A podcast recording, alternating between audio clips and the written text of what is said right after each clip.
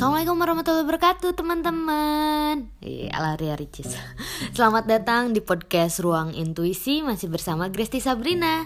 Kali ini aku nggak bareng orang Nggak bareng sama teman-teman Yang biasanya aku kolaps uh, Ngebahas sesuatu. Sekarang aku mau ngebahas itu sendirian. Jadi aku kayak ngomong sendiri Di depan alat recorder ini ngebahas tentang sesuatu yang aku bahas di Instastory kemarin. Sebenarnya bukan dibahas sih di Instastory, aku cuman nge-repost postingan aku beberapa tahun lalu itu tiga tahun. Kenapa aku nge-repost itu? Karena aku ngeliat di YouTube Bang Arif Muhammad, kamu tahu yang pocong itu ya, Bang Arif Muhammad itu dia bikin vlogcast.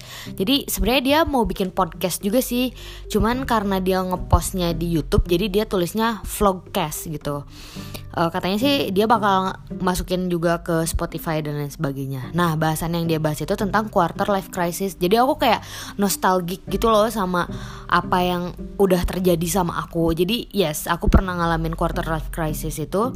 Uh, aku sempat tulis caption sebagai caption writer.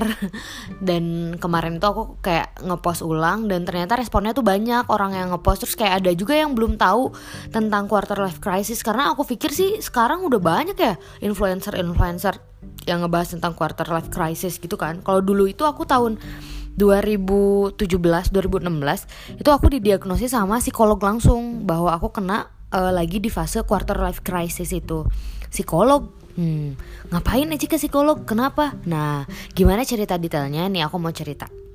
Jadi waktu itu tuh sebenarnya aku juga nggak uh, tahu ya kalau awalnya tuh aku nggak tahu apa yang terjadi sama diri aku tuh bener-bener nggak ngerti gitu. Tapi uh, aku tuh kayak sering ngilangin barang banget. Waktu itu tuh STNK hilang, handphone. Tapi ketemu lagi sih ketinggalan motor di kampus. Itu kan kayak konyol banget. Mobil juga pernah lo ketinggalan di kampus. Jadi aku tuh pulang tuh ya udah pulang aja ke kosan. Pas aku nyampe kosan besok paginya malah pas aku keluar terus aku kaget. Aku tanya ke pas satpam pak mobil aku mana? Terus pas satpamnya bilang lah Eci kemarin pulang eh, nggak uh, pakai mobil katanya gitu. Dan aku baru ingat kalau mobil aku masih diparkir dong di kampus. Jadi aku tuh pelupanya tuh super parah banget pelupa waktu itu aku kayak sampai nangis-nangis gitu kan. Aku capek gitu loh guys. Kunci motor apalagi. Aduh ya ampun itu udah capek banget. Hilang benda di mana tuh kayak capek banget.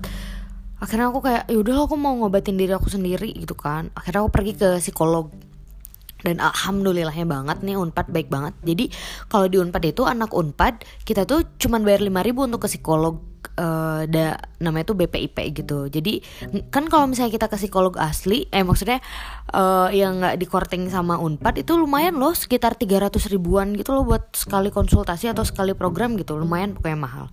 Alhamdulillah aku cuman bayar 5000 terus ya udah aku datang ke psikolognya. Pas ketemu psikolog itu dia kayak nanya-nanya nanya-nanya gitu-gitu. Nah si psikolognya juga dia tuh kayak bingung gitu sih awalnya. Uh, dia tuh kayak belum bukan bingung kali ya dia masih butuh banyak data gitulah. Jadi ad, jadi kalau ke psikolog itu kita bisa satu kali pertemuan bisa dua kali bisa banyak. Nah pada saat itu tuh di pertemuan pertama si psikolognya tuh nggak bisa mutusin aku tuh kena apa dan sebagainya. Jadinya dia uh, nambah satu pertemuan nyuruh aku datang lagi ke pertemuan selanjutnya. Jadi di pertemuan pertama tuh aku kayak nangis nangis kayak gitu gitulah ya. Aku tuh tipikal orang yang gak bisa nangis juga loh sebenarnya di depan orang. Bukan gak bisa curhat. Hmm. aku tuh coba kalau kamu tanya ke teman-teman aku teman-teman deket aku aku tuh nggak pernah curhat sama mereka. Susah gitu kayak kalau mau ngomong tuh susah gitu. Makanya aku tuh kenapa selalu nulis caption. Jadi caption itu sebenarnya curhatan aku tapi udah aku remake gitu. Jadi kayak jadinya tuh sebuah hikmah gitu. Padahal sebenarnya tuh aku tuh lagi curhat gitu. Jadinya makanya kenapa tiap aku beres bikin caption itu kayak rasanya tuh plong. Karena sebenarnya itu tuh uh, curhatan aku gitu. Tapi aku remake jadi sebuah tulisan yang lebih bagus. Dan ternyata orang-orang nganggepnya malah aku tuh aku tuh orang yang bijak gitu. Padahal sebenarnya aku tuh orang yang sedang menghadapi masalah kayak gitu.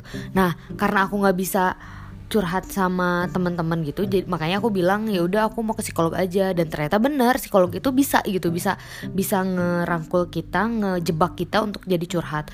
Akhirnya tumpahlah air mata aku gitu kayak kekuras gitu nangis nangis udah keluar dari ruangan uh, plong gitu sih. Tapi kayak uh, aku tuh masih belum dapat alasan kenapa aku ngelupain banyak hal. Cuman dia kayak ngasih treatmentnya. Tiap aku ada di satu tempat uh, aku tuh harus ngelihat beberapa nyebutin 10 benda yang ada di sekitar aku. Misalnya kayak aku lagi pakai baju abu-abu. Di sebelah aku ada bantal di depan aku ada TV aku lagi ada di ruang TV ada karpet warna hijau kayak gitu. Jadi aku sebutin semuanya sedetail itu. Terus nanti kalau atau enggak misalnya aku ketemu sama orang aku tuh inget-inget gitu si si baju orang itu tuh apa kayak gitu. Jadi diagnosis pertama dia sih karena aku tuh orangnya visioner ngelihat ke depan jauh ke depan sampai akhirnya tuh ngeskip gitu apa yang ada di lingkungan sekitar aku. Jadi aku tuh perlu dilatih untuk aware sama lingkungan sekitar yang hari ini terjadi gitu detik ini terjadi. Kayak gitu Nah terus udah kayak gitu pertemuan selanjutnya aku kayak dikasih treatment lagi. Aku kayak duduk di kursi sofa. Sofa yang uh, apa sofa kayak orang kalau di film itu kayak di apa psikopat psikopat gitu apa apalah aku juga nggak ngerti. Pokoknya kayak kursi sofa yang kita sambil kayak tiduran gitu yang tenang terus dianya di pinggir uh, ngomongin narasi kayak gitu-gitu. Eh sebelumnya nggak ke situ dulu deh. Sebelumnya dia kayak ngasih formulir terus aku ngegambar. Terus ada beberapa uh, instruksi untuk aku nyebutin uh, orang yang aku aku bayangin kayak gitu-gitu deh. Aku waktu itu aku ngegambar gunung gambar apa ya pohon juga banyak banyak banyak banget aku lupa. Sampai akhirnya yang treatment terakhir itu aku duduk di kursi itu. Dan di kursi itu dia kayak nyeritain lah uh, narasi itu. Yang sebenarnya sih narasi itu tuh pertanyaan-pertanyaan tapi akhirnya tuh bikin aku sadar gitu masalah aku tuh ada di mana. Akhirnya dia ngasih tau lah kalau ternyata aku tuh ada di fase quarter life crisis gitu. Itu tuh uh, aku tuh ngelupain ngelupain benda-benda tuh sebenarnya karena aku lagi nggak fokus karena aku lagi galau karena aku lagi nggak fokus aja gitu sama kondisi aku sendiri gitu. Jadi kayak lagi uh, ngelamun lah ya. Ya pokoknya lagi galau deh. Aku bingung ya kalimat yang tepat apa. Nah terus udah kayak gitu uh, dia ngasih tahu si quarter life crisis ini wajar kok terjadi gitu. Dan kenapa sih aku terjadi kenapa aku ke apa kebagian quarter life crisis itu? Jadi aku tuh keserang uh, dua kondisi yaitu intimate relationship itu sama productivity. Jadi pokoknya di usia kita itu kita tuh udah emang udah fasenya untuk punya relationship yang lebih intimate gitu loh sama orang. Jadi nggak sekedar sahabat atau temen tapi kayak seseorang yang emang bisa kita curhatin segala sesuatu tentang kehidupan kita dan lain sebagainya tuh ke orang gitu ya pasangan itu kan. Terus kalau productivity tuh kayak kita tuh harus udah bisa mandiri gitu kayak kita tuh di kondisi sekarang waktu itu ya maksud aku di usia aku 23 waktu itu udah bisa uh, menentukan keputusan tapi karena kita tuh masih dikasih support sama orang tua uang jajan dan sebagainya. Jadi kayak masih masih susah gitu untuk memutuskan sesuatu. Masih kayak terikat. Sedangkan kita tuh udah pengennya mampu gitu. Tubuh kita tuh sudah sudah mens push kita untuk mampu kayak gitu. Nah si intimate relationship ini tuh aku kayak sahabat-sahabat deket aku. Waktu itu tuh Fitri, Yanti, terus siapa lagi yang Detin. Itu kayak geng aku tuh udah pada nikah uh, mereka itu sedangkan aku tuh masih jomblo gitu kan. Terus uh, teman-teman aku juga yang aku pindah kosan juga waktu itu. Jadinya teman-teman lama aku tuh mereka geng sendiri. Aku tuh sendirian gitu di kosan itu tuh. Jadi kayak buat dapet temen yang intimate itu tuh susah gitu dan kondisi pertemanan kita tuh kan kalau udah di usia kayak gitu udah udah beda ya. Orang-orang yang udah nikah tuh udah nggak bisa kita salahin lagi. Kenapa sih lo nggak kayak nggak kayak temenan kita dulu? Kenapa sih lo jadi susah banget diajak main? Kenapa sih lo nggak merhatiin gue lagi gitu? Aku tuh kayak cemburu gitu loh sama suami-suami mereka. Karena aku kayak merasakan perbedaan pertemanan gitu. Dan aku ngerasa lonely gitu gitulah